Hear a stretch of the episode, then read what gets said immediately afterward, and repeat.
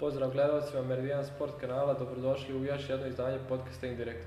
Sa nama danas dobro poznato ime na terenima širom Bosne i Hercegovine, gospodin Milenko Bošnjaković. Hvala vam na izdvojenom vremenu i dobrodošli. Hvala vama na pozivu i puno pozdrava za sve vaše gledalce. Gospodin Bošnjaković, premijer Liga Bosne i Hercegovine je završena prije sedam dana. E, da kažemo, odigrana je nakon jedna dosta zanimljiva sezona, neizvjesna, koja se, da kažemo, izdvojila od nekih drugih u regionu i izdvojila se na prethodne borac je na kraju šampion, e, podigla se određena prašina s obzirom na posljednji dio sezone. Kako vi komentarišete ishod Premier Lige Bosne i Hercegovine i kompletnu sezonu? Upravo ste, sezona je bila mm, uzbudljivija nego sve dosadašnje, neizvjesnija kako za Europu, za prvo mjesto, tako i za borbu za opstanak u ligi. Kad pričamo o borcu, ja uvijek tu gledam, gledam imena. Ja sam subjektivan što se tiče Marka Maksimovića, to je moj prijatelj prema kompletno njegovom stručnom štabu i prema Damiru i prema Zoki Dragšiću, tako da sam prvenstveno sretan zbog njih trojice, Marka i njegovog, njegovog ovaj, stručnog štaba, što su prvi prošli kroz cilj. A što se tiče borca, ne bih ulazio u te detalje ovaj, kako, na koji, kako na koji način. Pobijedili su oni naj, naj, najznačajnije utakmice sa direktnim protivnicima i po ono što sam ja uh, vidio, posebno utakmica u Sarajevu, da je to bilo na jednom zaista visokom nivou njihova igra i njihov odnos prema igri. tako da sretan sam zbog, zbog ponavljam, zbog Marka i želim borcu da reprezentuje bosansko-hercegovački futbol u tom pretkolima Lige šampiona na vrhunskom nivou i da ostvari što bolje rezultate. Dosta utakmica je bilo neizvjesno, što se kaže, na jednu loptu dosta klubova koji su igrali otvoren futbal, bez obzira bilo u dvojim ili gornjem dijelu tabele, dosta ekipa je konkurisalo za vrh, e, uvijek je neka ekipa i zna mogla pobijediti neku na vrhu i napraviti, da kažemo, neko iznenađenje. Koliko je to uticalo na futbal u Bosni i Hercegovini, koliko je to dobro za razvoj našeg futbala? Apsolutno dobro. Ove godine, ova godina je e, karakteristična, radnik, radnik više nije gore, pojavio se, e, pojavio se Veleš.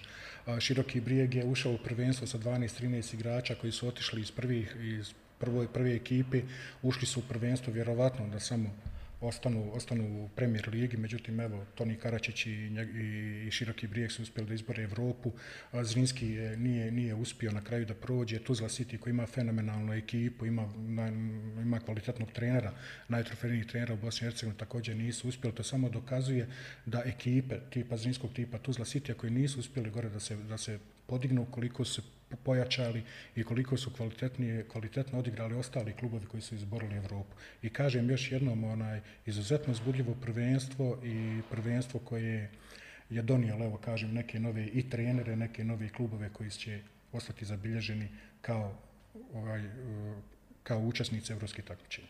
Vidjeli smo i u prvoj i u, i u drugom dijelu sezone da klubovi poput Zrinskog, Veleža, Borca, Sarajeva, da je sasvim normalno da što u nekim drugim ligama nije. Da je sasvim normalno da povežu 3-4 utakmice bez pobjede, da dođe taj neki crni niz. Koliko je bitno da shvatimo kao publika i kao neko ko posmatra sa strane futbal da, da su stvari normalne stvari i da je, i da je čudno kad, to, kad se to tako nešto ne dešava. Da vam kažem nešto, ovdje nema strpljenja niko. Ovdje niko nema strpljenja ni, ni za neuspjeh, ni za trenutnu krizu. A, navijači žele kvalitetne utakmice, predsjednici klubova žele da ekipa i treneri ostavljaju ovaj kvalitetne predstave na terenu. Tako da ovaj sve te oscilacije koje se dešavaju obično pukne po trenerima, pukne po igračima, dolazi do smjene trenera, micanja igrača iz, iz prvog tima. Vi morate, da, moramo da znamo da je Marko Maksimović podnio ostavku posle, posle Veleža, gdje su ljudi u borci imali razumijevanja i da i tu ostavku nisu ovaj, prihvatili. Isto tako Toni Karačić je podnio, stavio svoj mandat na raspolaganje širokom uprava širokog je ostala ovaj dosljedna, dosljedna njegovom radu, dala mu podršku, evo na kraju to, to su ljudi odradili na pravi način čestitke. I za njih dvojicu čestitke iz uprave koji su imali strpljenja. Ni u Veležu to nije izgledalo bajno. Sjetite se početak prvenstva Veleža Grbavić je izgubio 3-0, već je tad počela panika. Feđa je najavio Evropu, već su tad krenuli problemi. Feđa odlazi, Feđa ovo, čitao sam komentare tu, međutim evo, još jednom kažem, svaka čast na upravama, svaka čast na prijesnicima koji daju podršku kvalitetnim trenerima da izguraju prvenstvo do kraja. Drago mi je što je Sarajevo osvojilo, osvojilo, na kraju osvojilo kup, jer Sarajevo je u tom momentu vodio Dženo Šćuplić, jedan divan momak i drago mi je što je Sarajevo ipak tu sezonu izvuklo. Radi Sarajeva, radi grada, radi mira, na kraju kraja radi mira u kući, jer Sarajevo će biti bilo i bit će i sljedeće sezone.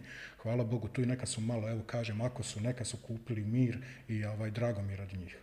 E, na polusezoni Sarajevo imala veliku prednost, Borac imao velik zastatak. E, slična je bila ekipa borca i u prvoj i u drugoj polusezoni. E, šta vi vidite u igri borca što je unio novo Marko Maksimović? ono što sam ja vidio, što sam primijetio, prvo, Sarajevo je, je trebalo zadržiti 13 bodova. Prednost ipak je to bilo pet utakmica u pitanju. Ne ulazim u situaciju što se desilo u Sarajevu. Mene i Vinko što je, što je dobio otkaz. Vinko je pravi gospodin. Ovaj, što se tiče Marka, vidio sam da je zabetonirao tih prvih 11 kod Marka, kod Marka vidim da su standardni igrači nastupali iz kola u kolo, pojavilo mu se tu Mopsi, jel tako, i ovaj Melex, oni su proigrali, radi se izuzetno kvalitetnim igračima, Moraitis je tu došao, odlučio neke vrlo bitne utakmice, vrlo bitne golove, znači po meni mislim da je Marko odredio prvih 11 plus 2, 3 imena, to je, to je, to je guro do kraja i mislim da smo tu momci vratili na najbolji mogući način ti 13 bodova za ostatka, da li su i oni najveći optimisti u Banja mogli očekivati da će, da će stići? I koliko je Marko stvarno kupio sebi kredita ovim za sve neke narodne, koliko ga treba istrpiti tek s obzirom da se radi o mladom stručnjaku koji tek treba da se i dokazuje još više na nekom višem nivou? pričali smo, je, Marko smo bili u nedjelju kad su gostovali Tuzli, ovaj, popili smo kafu, vidjeli smo se, pričali smo se prijateljski. Ovaj, meni je izuzetno drago da su se pojavili novi treneri, mladi treneri, da se, ja sam lokal patriota, ja volim sve što je naše. Tako da mi je izuzetno drago zbog Feđe, zbog Žiževića, zbog, zbog Marka Maksimovića, zbog naših ljudi tu koji se pojavili i pokazali da mogu. Ja mislim pojedinim klubovima, u stvari možda čak i većina klubova u, u Premier Ligi Bosne i Hercegovine je više naklonjenija e, igračima i trenerima sa strane. Ima ovdje kvaliteta ima ovdje rada, ima ovdje e, dobri edukacija pri Futbolskom savezu Bosne i Hercegovine, ljudi radi kvalitetan posao, ovdje ima samo treba istrpiti, dati prostor. Mislim da je Markova Markov opstanak u borcu neupitan, e, u razgovoru s njim čuo sam da je produžio na godinu dana, sada ima neku mirnoću u radu, neka samo nastavi ovako i ja mu svih srca želim sve najbolje. E, da li vi kod borca vidite taj neki projekat da, da se formira klub ne što se kaže za uspjeh preko noći, nego da se stvara nešto na dugi niz godina i da borac ostaje u vrhu bosansko-hercegovačkog futbala neki iskorak u Europi, uglavnom nešto što će konstantno izizvati klub na jedan viši nivo. Borcu nema nazad. Borac je tu gdje je, borac je, evo sad vidjeli smo šampion i sve ispod toga, ispod neke Europe, ispod svega toga ne priliči ni borcu ni ovom gradu ja se nadam da će ostati na ovom tonu. Nadam se da će svi ostali klubovi koji imaju tradiciju, koji imaju ime i prezime, Sarajevo, Želja, Sloboda, da će i oni isto tako priključiti se gore i biti uvijek gore, gore u vrhu, jer jednostavno ovaj, to su ipak klubovi koji su obilježili prošlost u Bosni i Hercegovini, nadam se i budućnosti. Spomenuli smo Veleži gospodina Feđa Dudića, za neke iznenađujući, za neke i ne toliko. Oni su na kraju izborili zasluženo na tom mjestu u Europi. E, mislim da je gospodin Dudić izvukao maksimum iz svoje ekipe, to je da se kaže najviše onako, i da su pokazali dosta toga u ovoj sezoni. Kako, kako ste vi posmatrali Velež uspjeh i koliko je Velež kao jedan veliki klub Bosni i Hercegovine nedostajao i Premier Ligi i vrhu? Dolazio sam dole u Mostar, prolazio sam kroz Mostar, vidio sam na što su ti Vrapčići izgledali prije par godina vidio sam na što se izgledaju. Svaki put kad, sam, kad dolazim u Mostar, bilo sa Slobodnom, sa Tuzla Sitijom, vidio sam svaki put nešto novo. Gledam na televiziji koliko je to infrastruktura otišla naprijed, pomoćni tereni, reflektori ovaj, i znam koliko je taj klub prošao kroz jednu golgotu prošli periodu i sad je tu gdje jeste. Tako da sam ja emotivno emotivno malo vezan, kao stariji čovjek vezan sam za te klubove iz bivše Jugoslavije, a Veleš definitivno ima svoje mjesto u toj istoriji bosansko-hercegovačkog futbala, vratio se samo tamo gdje mu je mjesto. Što se tiče Feđe, nije dobro dočekan dole bio u onom prvom mahu, to je, bilo, to je bio Ibra Rahimić koji je bio legenda ljubimac navijača sa, sa, sa razlogom jer, jer su Rahimić i njegov brat uradili puno toga u Mostaru dole na, na ovoj infrastrukturi, na, na, na Veležu ovakav kakav je, ne znam, izgubio sam kontakt, ne znam da li se još uvijek dole. Uglavnom, Feđa nije dočekan baš dole najbolje, međutim, evo Feđa je to demantovo sve sve u, u, ovoj prošloj sezoni. Ovaj, čujem sa, Feđom, čestitamo porukama jednim drugima pobjede dok sam ja imao klub, ovaj, tako da Feđa ja mislim sebi napravio za života spomenik u Mostaru i nekaj. Vi kao trener to možda i najbolje znate, kako se bilo nositi njemu sa svim tim pritiscima na početku i tim očekivanjima, ono što se kod nas kaže, malo prije smo pričali, nema iskustva, kako se bilo ponijeti sa tim, koliko je to u stvari teško. Vidite, Feđaj se, Feđaj se pojavio, možemo slobodno reći, nijotkuda. U Bosni Hercegovini se vrtila uvijek 7-8 trenera, radi ovdje, izgubi posao, za 15 dana nađe drugi klub i onda prvi, prvi taj koji se pojavio je bio Feđa u Gošku koji je dole ja sam tad rekao gostovanje jednoj televiziji, mislim BH televizija, pojavio se dječko i pomlatio čitavu ligu. Feđa je već imao određeno iskustvo u premijer ligi, nije lako voditi klub sa tradicijom, vrlo je teško biti trener klubovima koji imaju armiju navijača. Pogledate tamo, objavi se rezultat, prije pet minuta već je 500 komentara. Naravno da će uvijek biti ovakvih i onakvih. E, Veležava publika je zahtjevna publika, Slobodina, Borčeva, Sarajeva, Željina. Oni su izuzetno zahtjevni, oni želi rezultate u svakom momentu, tako da je Feđi nije bilo lako, ali evo sad je sve zaslužio. Mislim da s razlogom treba da uživa o svemu ovom što je postigao Veležu. E, da se vratimo opet i na Sarajevo, e, početak sezone i Sarajevo u Evropi i Sarajevo u prvenstvu, prilično dominantno na svim poljima igre, od e, trčanja do nekih taktičkih stvari. E, koliko ste se iznenađeni tim što ste spustili tih 13 bodova prednosti ili da li ste možda bili iznenađeni tim dobrim igrama na početku sezone? Ne, na početku sezone uopšte nisam iznenađen. Vinko Marinović je Vinko Marinović. To treba priznati čovjek koji je gdje god je radio, ima određene rezultate, došao je sa mjesta selektora u 21 selekciji gdje je izuzetno imao dobre rezultate. A, imali su Tatar, imali su Rahmanovića, imali su, imali su Ahmetovića, tako da taj uspjeh uopšte nije bio upitan. A, ovaj drugi dio polosezone ostali su bez ključnih igrača i to je osnovni razlog zašto ja prepostavljam. Ja prepostavljam, nisam involviran duboko u Sarajevo, ja prepostavljam da je taj nedostatak, taj šok posle odlaska Tatara, Rahmanovića i evo povrede Ahmetovića, da je doprinio da ti rezultati, ta igra ne bude na, na, na tom nivou ali opet kažem, Sarajevo je trebalo da zadrži 13 tih bodova. Uh, Vinku se najviše zamjerilo u drugom dijelu, pol, u drugom dijelu sezone da, da je igrao napadač, da je igrao odbranbeni futbal, da je premalo pažnje posvećeno napadu, a upravo to nije bio slučaj u prvom dijelu sezone gdje je Sarajevo napadalo, gazilo protivnike, 90 minuta su bi vršili konstantan pritisak. Kako je, da li su tri igrača toliko uticala na promjenu taktike čitave ili, ili šta se jednostavno desilo da se igra skroz toliko promijeni? Da li je prosto bilo nemogućnost da se napada i da se radi ono što se radilo u prvoj, prvoj polusezoni? Tatar, Rahmanović, Ahmetović, povrijeđen Hebibović. Evo, to je dovoljno da kažeš sebi mogu li ili ne mogu opet kažem, ne znam, na to pitanje bi najbolje možda mogu Vinko da odgovori, ovaj, ne znam, ali evo samo kad nabraviš sva ta imena, ovaj, dođeš do toga da ipak moraš malo opreznije da kreneš, da malo povučeš ključnu, da vidiš gdje si kas. Ne sumljam da je Vinko dobro procijenio i da je u tom momentu primijenio nešto najbolje što leži. Sve taktike, se, sve taktike onako kako ćeš ti igrat, ne pravi se sprem tvojih želja, i želja navijača pravi se stanja u ekipi. Ja prepostavljam da je Vinko procijenio da je to najbolji u tom momentu. Sarajevo je trebalo samo da dobije borca ili da ne izgubi od borca, dobije slobodu i oni bi bili sad u ovoj poziciji gdje, gdje je borac. Ali evo kažem još jednom, čestitam i Sarajevu na kupu i drago mi je što su, evo kažem, iako im je taj kup donio nepot, evo, prijeko potreban mir, ja sam sretan zbog njih. Da li onda Sarajevo kao klub nije smjelo sebi dozvoliti da bez adekvatnih zamjena pusti igrače kao što su Tatar Rahmanović?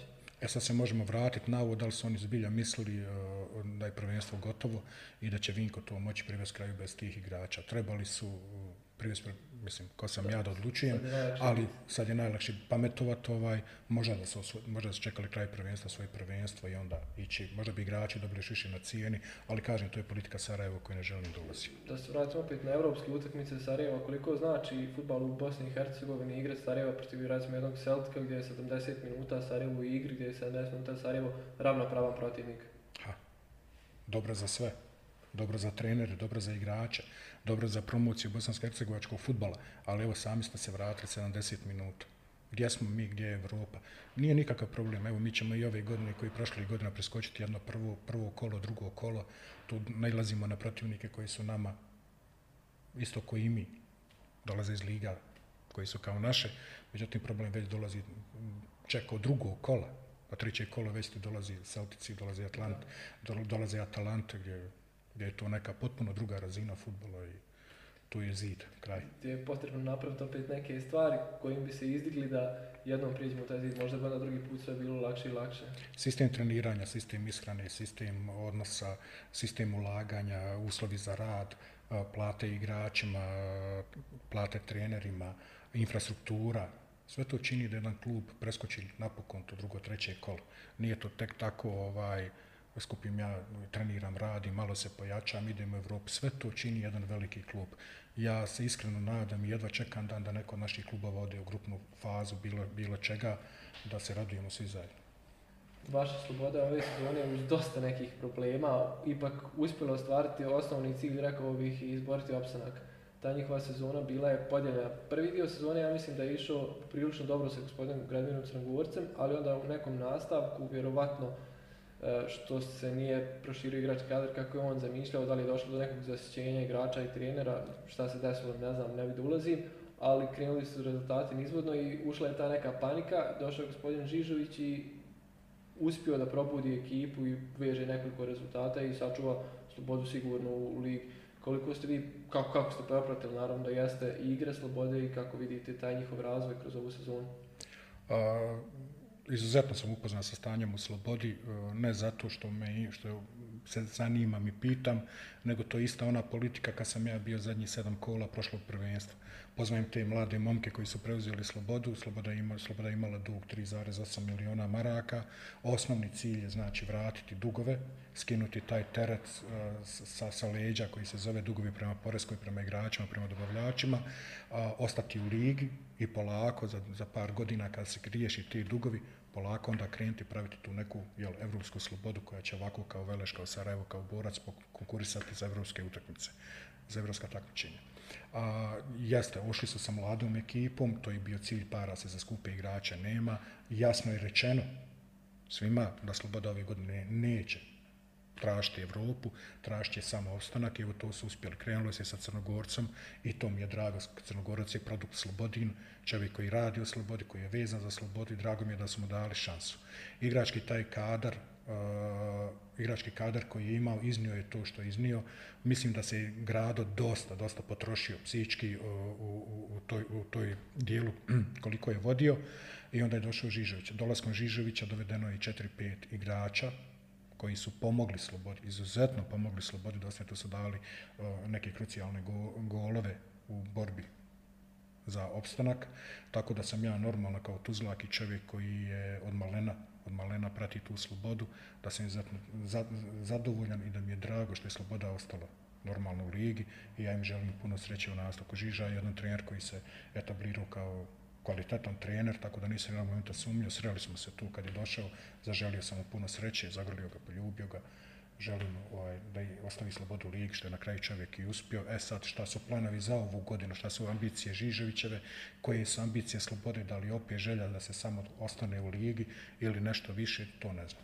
Ono što se negdje i zaboravlja i što se nastavlja u prvi plan da je sloboda kompletnu sezonu izgurla sa velikim brojem mladih igrača, od Devečića, Osmića, da sad ne nabrajamo sve. E, treba znati da ti mladi igrači su, ovo je možda premijerna sezona njima u premijer ligi, i ako već naredne sezone ostanu u Slobodi, imaće jednu godinu u premijer ligi za sebe, bit će još kvalitetniji, a Slobode su djeca. To je ono što je upravo radila odličan posao, da jasno prije početka sezone rekla da, da nemaju šanse i da ne želi i da nemaju mogućnosti da napadaju Evropu. To je dalo prostora za ove mlade igrače. A, da, li su, da li su se oni uspjeli da nametnu, ne znam. To zna, to zna uprava Slobode zna njihov stručni štab, da li su oni uspjeli da se nametnu, ali isto tako samim dovođenjem 4-5 igrača u momentu kada je Žižović došao, očigledno da je njihova procjena bila da ti baš igrači a, nisu i ne bi mogli iznijeti tu borbu za ostanak. Borba za ostanak je izuzetno teška. Ja kad sam bio u Zvijezdi gore, u kući dobiješ, ostao si, odeš na stranu, izgubiš ispusti. To je vrlo teško psihički podnijeti, iznijeti kako, kako igračima, tako trenerima, tako svima od oružara, ekonoma, čistačici. To je jedno vrlo, vrlo nezgodno, nezgodno stanje. A, sam plasman mladog igrača, da bi vi plasirali mladog igrača, ne možete kompletnu ekipu pod mlad, ne možete pola ekipe pod mlad. Uvođenje mladog igrača u prvi tim idu dvojica, trojica, sa 7-8 izuzetno kvalitetnih igrača koji će pomoći da izbaci jednog dvojicu ovaj, igrača, mladih igrača u prvi tim. Zvijezda Etno selo je posle prošlu sezonu krenula tako ovaj, sa kompletnom mladom ekipom i vidite kako se završili. Tako da je izuzetno dobro što su ovi mladi igrači imali jednu sezonu iza sebe. Nadam se, nisam upoznat, nadam se da su to kvalitetno predstavili se i da ćemo imati kontinuitet i u sljedećoj sezoni. Pričali smo baš o tome koliko je teško raditi u klubovima sa tako velikom istorijom iza sebe kao što je Sloboda Velež, da ne nabrajamo ponovo sad sve. E, da li je upravo tu potrebno mladom igraču da, je, da ima pored sebe 7-8 iskusnih igrača uz koje će igrati i da će na taj način napraviti da je u klubu sređena situacija i da je glavom samo na terenu, da, da su manji pritisci na njega lično i da ne zavisi opstanak od momka koji ima 18 godina. Apsolutno, apsolutno ste u pravu. Znači, uh, imate mladog štopera, ne mogu biti dva mlada, mislim, naravno mogu, ali kažem, bilo bi lijepo da sastavite iskusnog i mladog. Uh, apsolutno je važno jesi metar više, metar niže, metar lijevo, metar desno, da ti neko kaže kreni, da neko kaže izađi, da kaže vrati se, da kaže suzi. To je vrlo bitno za, za, za, za, mladog, za mladog igrača. Ali niko nema, vrlo malo ljudi ima strpljenja za to. Evo sad je, neki dan sam propratio kroz, kroz hrvatske medije, a, mlada reprezentacija Hrvatske je izgubila utakmicu u 90 i nekoj minuti protiv Španije, pogriješio jedno dijete od 19 godina i ono što se kod nas ne dešava, da se niko ne bavi tim napisima, a, fake newsovima, a, zlonamjernim tekstovima. A, o, sjetio se jedan novinar tamo portala, mislim da se zove Top, Top Sport, koji je posvetio čitav jedan članak koliko su ljudi u stvari prozivali to dijete od 19 godina koje je pogriješilo se utakmice izgubi, koliko su ga minimizirali, koliko idu da unište njega sa 19 godina da mu, ogade taj futbol. Treba imati podršku. Ja ću vam ispričati jednu priču staru 3-4 godine kad sam vodio Drinu pa smo bili na licenciranju u, u, u, u za, za, za, za sezonu i gost je bio šef omladinskog pogona futbolskog kluba Partizan. Nemojte me o imenima, vjerujte, tamo u tom momentu to ništa nije, m, prošlo je puno vremena, zaboravio sam, i njihov igra Strahinja Pavlović. Da. Oni su otišli na trening, tad je bio trener Bata Mirković, otišli su sportski direktor i Bata Mirković da gledaju juniore, tamo je bilo neki dječarac u Ćošku zapostavljen koji čak i nije igrao u to vrijeme. Oni su na tom treningu, treningu primijetili nešto u tom igraču, pitali su ko je, šta je, propojili su ga prvom timu. Radeći treninge sa prvim timom, primijetili su dobro iznošenje lopte, igra glavom, dobro pozicioniranje, što je sve dobro za štopera. Međutim, kad primi loptu, kad je lopta u nogama, bilo je teško snalaženje, kud s njom, kako s njom, kvalitetno iznošenje te lopte kad, se, kad je okružen igračom. Šalju ga na posupu, mislim da u teleoptik, da igra zadnjeg veznog jednu godinu. I onda kaže čovjek ovako, vratili smo ga nazad i sad kaže rizikujemo sve. Stavljamo ga na štopera i rizikujemo da izgubimo utakmice kući. Izgubi, partizan kad izgubi utakmicu kući, to je smak svijeta. I nećete vjerovati da je prvi njegova utakmica bila mladog dječarca od 18,5 godina bila na derbiju protiv Crvene zvijezde, gdje je to dijete iznijelo tu utakmicu i sa 20 godina ga prodaju u Monaku za 10 miliona eura plus 3 miliona bonusa. Ali su imali strpljenja, rizikovali su, imali su hrabrosti da to dijete gurnu i naravno dijete je posjedovalo određeni kvalitet. Ali svemu tome je jedno veliko povjerenje u dijete, jedan klub koji je iza tog čitavog projekta stao i sad imaju 10 miliona eura. Znate li koji je to novac? Što je najbitnije možda i plan e, sa tom pozicioniranjem njega na zadnjeg veznog. Naravno, željeli su da čovjek ima što više loptu u nogama, da što više ima pritiska kad ima tu loptu od prednjih veznih igrača, od centarfora protivničke ekipe. On to kad je savladao, kad imao 35-40 utakmica u nogama, vratili su ga nazad i sad je uz ono pozicioniranje, uz onu mirnoću igri, u dobar skok glavom, sad je dobio mirnoću, i, mirnoću igri kad mi je loptu u nogama, kompletan igrač, sad tu nastupa klub, navijači normalno, pitaće se ko je on, šta je on, ali klub ima svoju viziju prodaja igrača i život na kraju kreva od tih transfera. I evo, kažem, to je jedna priča koja je mene zbilja u tom momentu strašno dojmila. To bi, to bi trebalo da bude putokaz i za određene klubove u Bosni i Hercegovini kako se ponašati. Ovdje još uvijek nema tog strpljenja. Još uvijek nema tog strpljenja da se iznese takav jedan igrač. Mislite li da bi Devičić mogao biti jedan pozitivan primjer u tom nekom pogledu, s obzirom da je iznio ovu sezonu, čak i nosio kapitensku traku nekoliko utakmica? Pa evo, nije igrao zadnju utakmicu to vam dosta govori. E, drugi klub iz Tuzle Tuzla City ili da kažemo Slava Siminhan, nije uopšte ni bitno više. E, ima, ima taj neki dugoročni plan izlaska u Evropu, osvajanja šampionske titule, nažalost prošla je, nažalost prošla je još jedna godina da nisu uspjeli izboriti to mjesto u Evropi. Ova sezona je, da kažem, bila tako dosta konkurentna što se tiče ta četiri mjesta. E, opet su, kažemo, ostali ispod crte. Koliko je teško u tim nekim uslovima gospodinu Kusiću nastaviti da vodi klub? Pa vidite, moram se osvrnuti malo na Azmira Husića. A, mnogo svijeta ga ne pozna. Ja sam sa Azmirom Husićem sarađivao pet godina. Ja sam došao u Simirhan, Tuzla City, kad su oni bili peta liga od Ozgu, druga kantonalna liga. Da smo se prvi put upoznali, njega tad nije bilo klub, tek će ga dovesti posle mene. I čovjek prelazi preko centra, upoznava se sa trenerom, jel, sa Milenkom i kaže, šefe, mi idemo u premier ligu. Ste pričamo o 2012. godini. I normalno, ok, je sve, hvala lijepo, okrene se, on okrene se, ja i kažem, Bože dragi, šta je?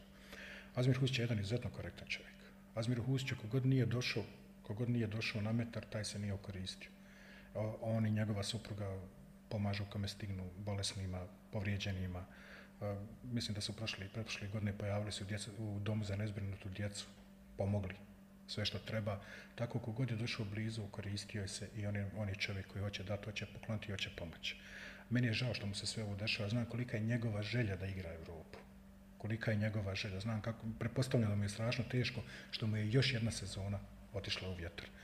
A, imali su dobru ekipu, imali su najtrofejnijih trenera u Bosni i Hercegovini, bilo je to dosta konkurentno, šest bodova su zostajali na polusezoni za tim trećim mjestom, evo među se pojavilo to četvrto mjesto, ovaj, nisu prošli, ima sljedeća sezona, neka probaju, ja sam zbilja slab na Tuzla City doživljam, to je nešto što sam svojim rukama pravio od zadnje lige, malte ne doći gore, ovaj, tako da sam slabija na Tuzla City, slab sam na njega, jer mi je dao priliku da radim ovaj, i ja zbilja želim da, da ostvari tu svoju želju, znam kolika mi je želja da izađe u Evropu. E, djelujem nekako na polu su oni taj zaostatak od šest bodova da je njima djelovao preveliki da su se previše fokusirali na kup. Ne, ni? Ne. Uh, ja znam Azmira Husića. Nema tu ni preveliko, nema tu ni odustajanja, nema tu ne možemo. To je, kod ga sad gledam, šefe samo gar. Tako da onaj, mislim da su oni pokušavali jedno i drugo, mislim da su mogli lakše doći do, do kupa, ali evo ni to četvrto mjesto, pa ste ove godine su četiri mjesta, da su se bila tri, tako da i to četvrto mjesto se moglo, moglo dohvatiti. Zašto nije, to je za njihovi analiza u klubu kad smo dotakli se gospodina Husića i Tuzla City, a koliko klubovi kao što Tuzla City znače Premier Ligi, koliko treba da ih što više ima? Što više privatnih klubova. Da. Što više privatnih klubova, što više ljudi koji, ljudi treba staviti ruku u džep. Bez obzira na sve što više privatnih klubova, što više ljudi koji ulažu, što više domaćih trenera, što više poveznica trenera i, između trenera i kluba. Trener koji hoda kroz hodnike nekog kluba, a ne gasi svjetlo u WC-u, ne gasi svjetlo u hodnicima, ovaj, vrlo teško će postići uspjeh. Mora postojati ta poveznica između kluba i, i, i, i trenera koji u tom klubu, klubu radi. Skoro ste i na svojim društvenim mrežama pohvalili onako javno kako Velež, tako i Krupu. Krupa je također jedan privatan klub koji je mimo svih mimo većine očekivanja izborio opstanak u, drugoj, u drugom dijelu sezone sa jednim jako mladim trenerom, gospodom Ilićem. E, da li ste, da li ste pratili, da li ste oduševljeni načinom na koji je Krupa igrala protiv svih rivala, čak i protiv Veleža u Mostaru i protiv Sarajeva na Koševu, protiv Borca, protiv svih? Vidite, kod nas je, kod nas je jedan trend da se sve omalovažava. Kod nas je trend, Zrinski je bio, Zrinski je bio prvak prije par godina, to se malo važavalo zbog nekog penala, zbog ovog, zbog onog. Pa onda Sarajevo, prošle godine su ljudi bili šampioni, eto, preknulo se prvenstvo, samo da Sarajevo bude šampion. A, svima, svim klubovima se u toku sezone negdje dobiju neki aut, negdje ga izgubije, negdje dobiju penal, negdje, negdje protiv njih. Svima se dešava nešto, neki, neki padovi, usponi po pitanju tog njihovog igranja, dođe do roših rezultata, pa dobri, dobrih rezultata. Tako isto, ovaj, kad sam došao na ovaj nivu, premier lige, onda te svijet kao ono želi da savjet, ma joj vidi Milenko, nemoj ovo, nemoj, nemoj pričati ovako, nemoj pričati onako, a vidite nešto, ja uopšte ne želim da se mijenjam.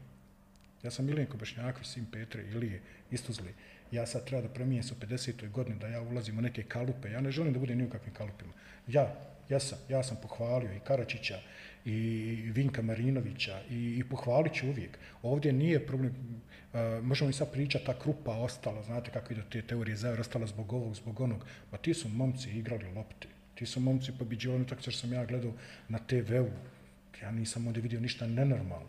Pričam od jednog dječka 20 i nešto godina sa B licencom, ja sam bio u pregovorima sa Krupom oko preuzimanja, to je tako bio jedan korektan razgovor, jedan normalan razgovor, čovjek tebi kaže, vidi, ja sam ispo, to moment je bilo, bilo, bilo, grozno stanje za Krupu, vidi, ja sam ispo, u igri si, u kombinaciji si, ali vidi, postoji jedna opcija da to pustim sinu, nek to on već privede kraju. Ja sam njemu rekao, to ti je najbolje, tebi je najbolje buco da ustaviš sina svog, ostavi njemu, možda i uspijete. Nisam se laktu, nisam tražio, nisam rekao, gdje će on, i dan danas tvrdim. I uvijek ću pohvaliti. Ali ima, tu ne nastaje problem kad ti hvališ. Nastaje problem kad kudiš i nastaje problem kad kažeš istinu. E onda kreće mašinerija. Ko je on, šta je on, šta on priča, otkud njemu, koga ovaj proziva. Niko ne vodeći računa. Šta je taj ko proziva rekao? Nego šta će on? E to je kod nas ovdje što ljudi ne žele. Ljudi očalnički žele istinu kad im kažeš istinu da se oniko nešto naljuti. I onda kreću lobby poklapanja, pravljenja lažnih tekstova, a, minimiziranja tebe, pa ne minimiziraju tebe, ne minimiziraju tebe kao trenera, kao čovjeka. Ja sam to doživljavao više puta. Da jednostavno zaštitim trenersku profesiju, da zaštitim igrača i onda doživiš takav neki javni linč za koju stvari mene baš briga. Ja kad budem htio da prozovem, ja neću zamotati, ja ću to javno. Za sad nikoga ne prozivam, samo mi nekad nešto zasmijete, to objavim na svom zidu, to novinari preuzmu i interesantno. Dugo vremena novinari nisu htjeli da preuzmu ništa, ono što je, inter, što je interesantno i što je dobro, nego su uvijek izvlačili ono kad ja neko kritikujem pa kaže šta ovaj sad priča. Pročitajte šta, šta sam napisao. Koliko se u stvari o tome ne govori kad pokušavate zaštiti sebe i svoju profesiju i kolege od tog nekog javnog linča koji se dešava, koliko je to zastupljeno, koliko se dešava i koliko se tome ne govori, a trebalo bi? Mi, mi treneri kad sjetnemo, mi treneri, mi sve pričamo. Mi sve pričamo. Ali onda niko, nikad, svi se nešto povlači, svi su nešto, ne postoji profesija. Ne postoji profesija koja je top 3 za koju treba izdvojiti novca da se dođe do profil licencije. U isto vrijeme ne postoji profesija koja je toliko podložna javnom mišljenju, toliko podložna provokacijama, toliko podložna malovažavanjima kao što je profesija trenera. I jednostavno kad se krene obračun sa nekim trenerom, a obično su neki lobiji iza leđa, da li lobi nekog drugog kolege trenera, lobi nekog drugog prijesjednika, lobi neke zajednice koji žele da, da te tisnu, tu su beskrupulozne kombinacije, beskrupulozne naslovi, tekstovi, minimiziranja i opet kažem ponavljam, tu se više udara se i na porodicu, udara se na sve, u želji samo da tebe, da, da tebe maknu. Svako ima svojih idealnih 11, trebalo bi tako igrati. To se dešava u klubovima. Ona čistačica, ona ima svojih prvih 11, ona ekonom svojih prvih, predsjednik, pet članov upravi, svi imaju svojih prvih 11. I svi ti dolaze kao, eto, trebalo bi ovako, trebalo bi onako, trebalo bi ovako, a u stvari dođete automehaničaru i kažete, ma vidi, prijatelji, podigo sto to, to ulje, dobit ćeš ključ u glavu. A ovdje kod nas je jednostavno šuti, povlači se, pričaj i jedino Baka Slišković, jednom s njim kad sam razgovarao, ja kao Milenko, ja sve ja ću slušam, ne valja ovo, no, kaže Baka, jel, pa to Baka rekne, Baka je takav, njega, njega baš ništa ne interesuje, ovaj, nema pardona. Jedno kaže ja rekne i onda ja, pravu je čovjek, svašta se dešava. Ali evo, ljudi šuti, neka šuti. Ja ako budem našao shodno reknem, ja ću reći, jer ne, nisam, nisam nemam obavezu ni prema kome da šutim i ono što je za pohvaliti, rado ću pohvaliti i još jednom čestitke. Dudi, čestitke ovom malom Iliću, odličan su posao napravili. Ove sezone četiri kluba u Evropi, e, pojavilo se to novo takmičenje, ta Liga konferencija, gdje manje više put do grupne faze neće biti puno lakši nego što je to bio slučaj u Lige Evrope, ali Borac ima jednu dobru šansu da se domogne grupne faze s obzirom da igra prvo kolo li, kvalifikacije za Ligu šampiona i ukoliko prođe to prvo kolo za garantovanje play-off kvalifikacije za Ligu konferencija. Da li ova sezona ta u kojoj možemo konačno očekivati bosansko-hercegovački klub u grupnoj fazi? Vrlo teško. Ja ću opet biti brutalno iskreno, vrlo teško. Vrlo teško. Da vam kažem nešto, bogati sebe štite, bogati sebe ograđuju. Uh, Nisam optimista ni da će dozvoliti, oni žele da podijeli taj dio kolača, žele da podijeli između se. Tako da, koliko god mi dobro igrali, koliko god mi podigli se na taj nivo potreban za Europu, pitanje koliko ćemo uspjeti, koliko će nam ko dozvoliti. Ovo je sve napravljeno i sistem takmičenja, sistem bodovanja za učešće u, u Evrokupovima za dalje od prvog, drugog pretkola je napravljeno da bogati podijeli taj novac između sebe. Vrlo malo mrvica će ostati ovamo za, za taj uslovno rečeno treći svijet. Ja osrca kažem, želim, volio bi da se sve četiri naše kluba završi u tim grupnim fazama, ali sve je napravljeno da bogati podijeli između sebe taj kolač. Ta neka euforija koja se osjeti i u narodu i u klubovima prije evropskih utakmica je ono nešto što izdvaja izdvaja futbal igrače u odnosu na neki, neke naše domaće navike koje imaju i koje posjeduju i upravo te sve utakmice, na primjer u prvom kolu gdje i borac može dobiti neke ekipe koje su top evropski klubovi, a može dobiti neku ekipu sa Gibraltara ili Malte kao što je i kao što Velež, Široki i Sarajevo mogu dobiti također ekipu sa Gibraltara, Malte, koliko je potrebno bar te utakmice da naš klub pobjeđuje? Izuzetno potrebno, jer svaka ta pobjeda, svaki neriješen rezultat je bodovanje, na osnovu bodovanja u, u, u, u EFI pravi se tabela i onda imaš tamo uslove da imaš ekipu više, imaš tim više ili tim manje ako nisi ostvario, tako da svaki bod je vrlo, vrlo, vrlo značajan. E, taj ulazak sami u Evropu nije samo bodovno i nije samo pojavljivanje u Evropi. Evo, već dole čujemo sad u Mostaru da će se oni potruditi da dovedu u stadion optimalno stanje za igranje evropske utakmice.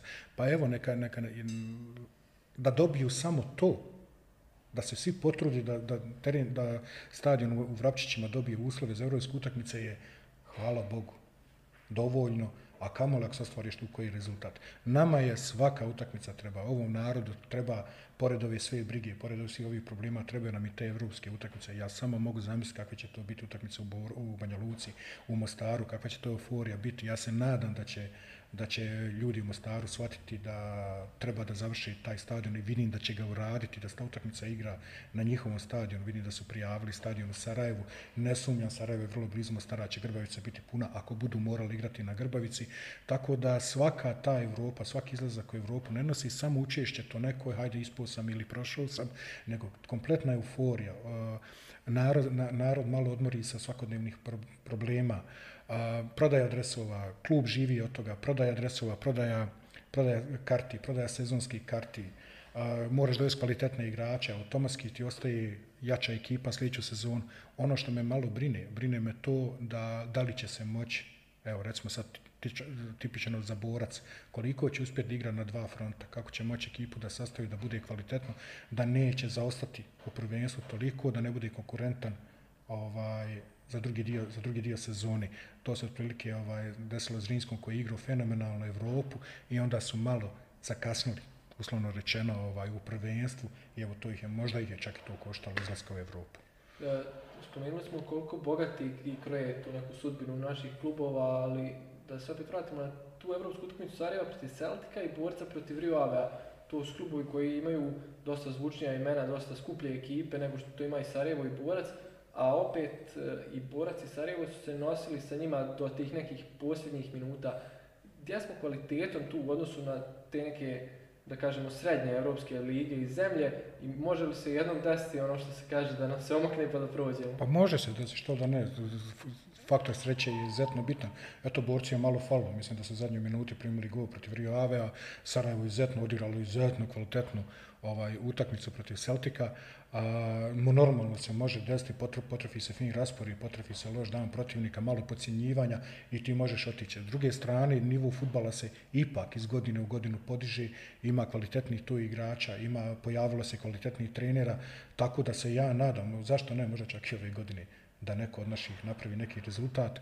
Gledajući prošle godine, to će biti vrlo teško, ali uvijek se čovjek nada da će to možda biti ova godina da se vratimo malo na vas i vašu priču, stvarno mislim da je jedna od najzanimljivijih u Bosni i Hercegovini Premier Ligi i generalno u svijetu sporta kod nas. E, pričali smo kako se rodila ljubav prema slobodi iz Tuzle, ste imali ste jako teško djetinjstvo, te, taj prvi vaš susret sa slobodom i te utakmice, kako, su, kako je izgledalo? Pa vidite, vi ste jedini mediji, uh, Milenko se pojavio, pojavio se kako se je pojavio. Jedini ste medij koji je rekao, ok, ajde dođi da pričam. Svi ostali su donosili paušalno neko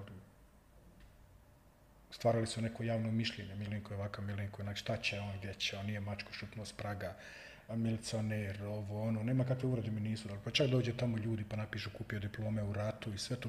Vi ste jedini koji ste mi dali priliku, na tome sam vam izuzetno zahvalan, ovaj, da ste dali priliku da se predstavim, ko sam je. roditelj se, otac nas je ostavio, ja sestra, ja pet godina, sestra šest mjeseci, izuzetno teško djetinjstvo, mati nas je odhranila čistići stanove drugim ljudima, čistačica u bolnici, a, izuzetno loše djetinjstvo, evo kažem, a, komšija Safet Čović je poveo svog sina na utakmicu, poveo i mene, tad si moglo kad uđeš sa roditeljima, djeca ne plaćaju kartu.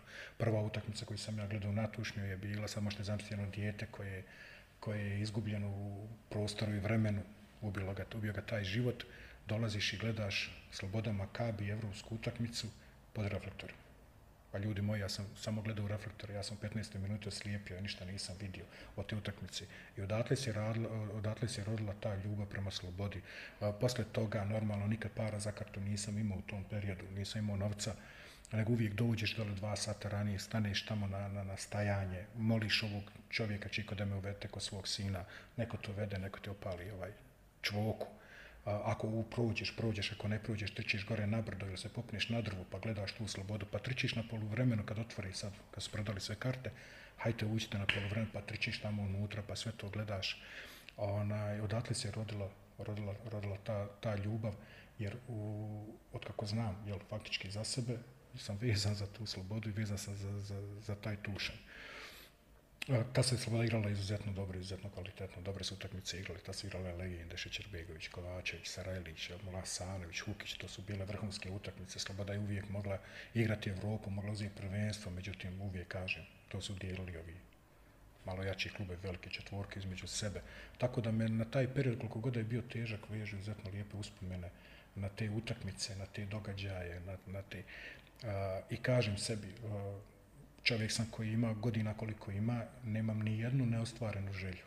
Nemam ni BMW-ove, nemam ni vile, nemam ni, ni, ni, ni vikendice, nemam ni jahte po moru. Moja jedina želja je bila i nju sam ispunio sebi. Onog momenta i ne podilazim nikom, da mi niko pogrešno ne shvati, jer svijet je obično shvati pogrešno ono što pričaš. Nikome ne podilazim. Pričam iskreno iz duše. I onog momenta kad sam kupio sebi kartu, prvi put u životu, zaradio, kupio, zaposlio se, kupio sebi kartu, otišao na tribinu, na sjedinje, da sjednem, da gledam utakmicu. Posle svih drva, ograda, brda, ona, ispunio sam sebi sve želje u životu. Ja sam čovjek koji trenutno, osim normalno zdravlja svoje porodice, ne, nije ne ostvarene želje. To je bila jedina moja želja u životu. Ja sam je stvario. Kao i svakom dječaku tih nekih 15-16 godina pa i manje, pretpostavljam da je negdje, reći mi imali ste jednu želju, ali voljeli bi da ste trenirali, da ste mogli sebe pokušati kao futbaler u slobodi, vi ste vrlo rano morali otići i tražiti posao da prehranite i pomognete u, u, por, u porodi svojoj. Koliko vam je to, naravno da nije bilo teško, nema ništa bitnije od toga da, da, da se pomaže svojoj porodici, ali taj neki period gdje ste možda mogli pokušati sebe izgurati kroz futbal kao igrač. A, dođeš u neke godine, treniraš to nešto, ganjaš, pokušavaš, jel, koji sve dičaci da postaneš futbaler i dođe ta 18. 19. godina, gdje moraš izabrati ili dalje pokušavati postati futbaler ili se zaposliti i pomoći svojoj porodici da ostvari egzistenciju.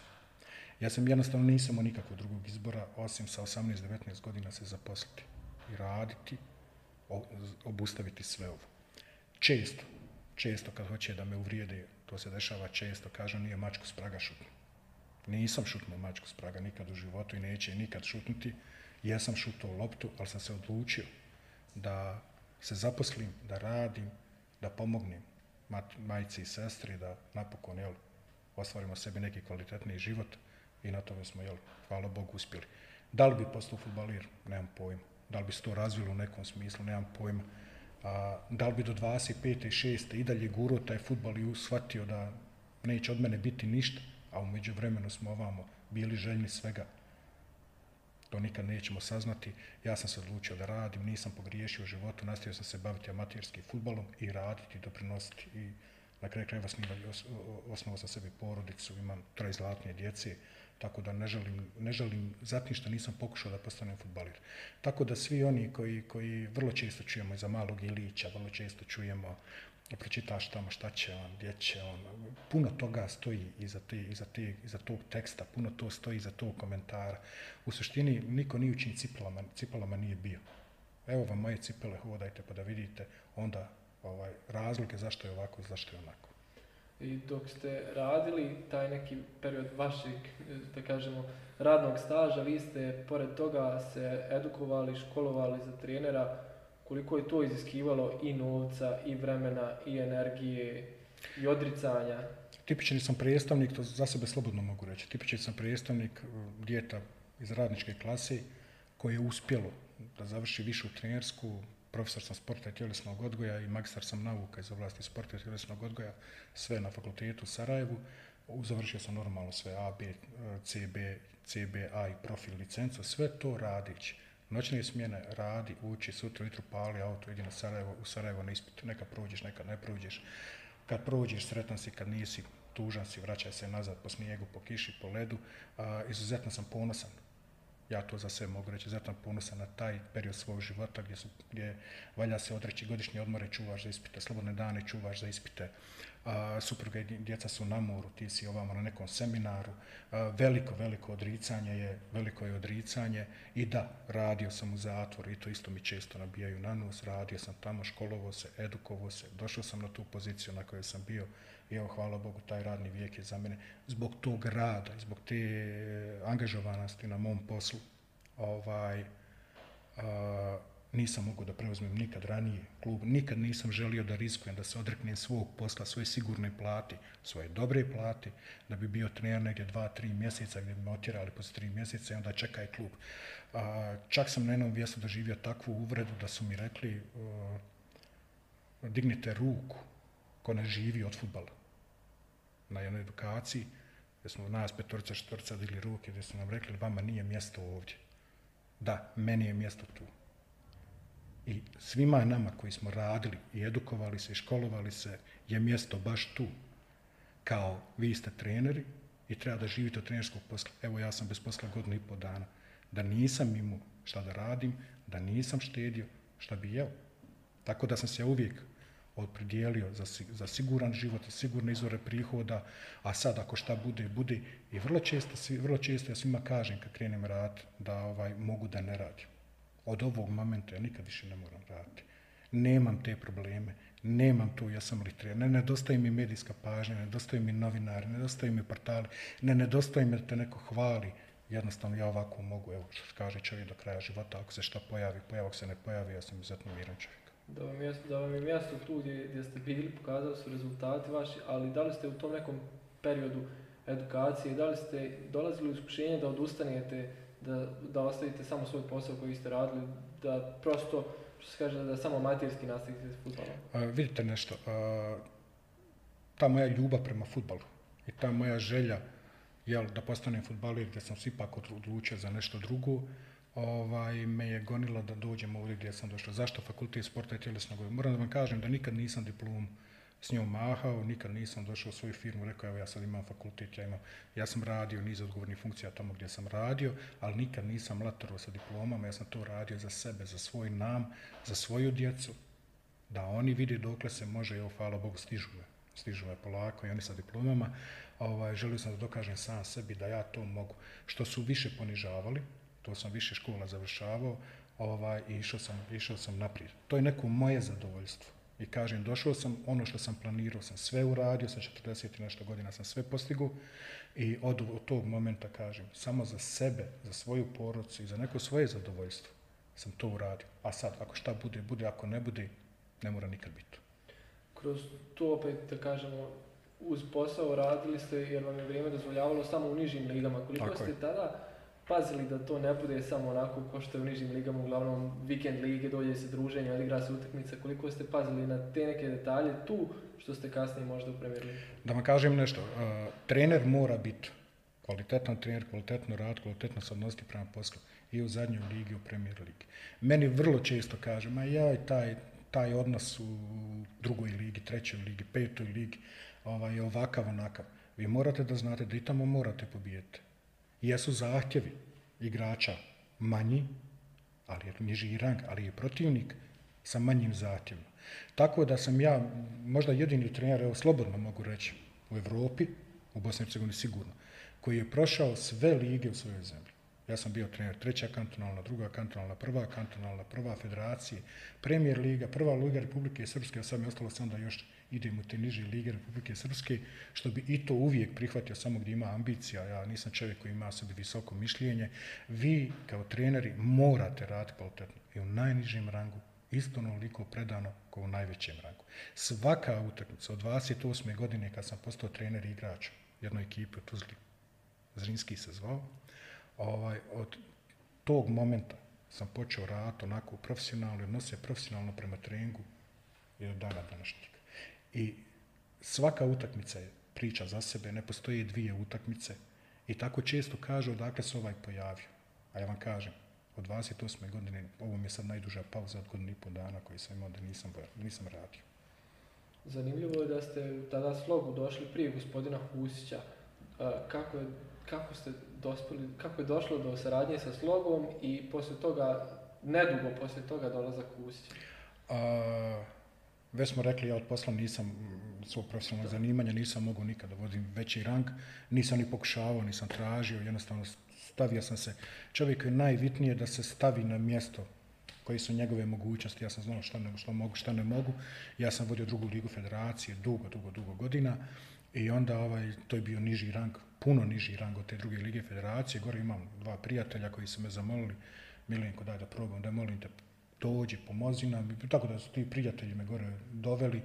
E, Sloga Simirhan je mjesto predgrađe Tuzli, znači u Tuzli je predgrađe ovaj, infrastruktura je bila loša, normalno nije se moglo ulagati, radi se o, o, o, o izbjegličkoj populaciji, to su sva djeca iz Srebrenice, Bratunca, Podrinja gore, a, s kojima imam fenomenalan odnos, ja sam to što jesam, nikad me niko nije uvrijedio, nikad me niko ružni riječi nije rekao, prihvatili su me kao svog i ja sam ovaj oduševljen tom saradnjom. I dan, evo sad se naježim kad pričam o tom periodu, o tom radu, radu gore. A, par dana posle mene, ima i tisnici sve na YouTube-u, ovaj, par dana posle mene došao Jazmir Huć, bila već sad priča da molim te dođa, mi ćemo probati još nekoga da nađemo i stvarno Jazmir Huć se ta vratio iz Amerike, on je došao, već sam sad kažem, čovjek prelazi preko terena, pruža ruku, šef, mi idemo u premier ligu, mislim, ono, čovjek, kakav premier liga, mi malte ne, ovaj, nepokošena trava na terenu, dok je mi radimo trening, ovaj, kakav da premier liga. I onda smo tu ostali, ta druga kantonalna, prva kantonalna, išli smo iz ranga u rang, normalno, i tad je bilo tamo puno priče, došao neki Amerikanac, kupuje sve utakmice, poklapa sve utakmice, standardno ona naša priča ovaj, koja se peo kroz sve rangove provlači. Međutim, mi smo imali svoj film, imali smo svoju priču, išli smo iz ranga u rang, iz ranga u rang, iz ranga u rang. U drugoj federalnoj ligi smo osvojili prvo mjesto, pa nam nisu dali da uđemo, pa smo ponovo igrali tu drugu ligu, pa smo je ponovo osvojili. Razigravali smo sa krajinom iz Cazina, došli smo u prvu ligu federacije. U prvoj ligi federacije smo bili novi kolač, svako nas je mlatio lijevo, desno, čuškali, gurkali, međutim i tu smo se ekipirali na polusezonu, smo bili u sredini tabele, mada smo kriminalno krenuli i onda ja odlazim, u, onda ja odlazim već je više došlo do zasićenja. U stvari izgubio sam slačioncu. Trener koji izgubi slačioncu, on mora ići bez obzira koji rang takmičenja, bez obzira sve. Trener koji nazor to nešto navlači do prekida ugovora, da ga otjeraju, da mu isplate pare, ba to je glupost. Prijatelju, kad izgubiš slačionicu, moraš otići.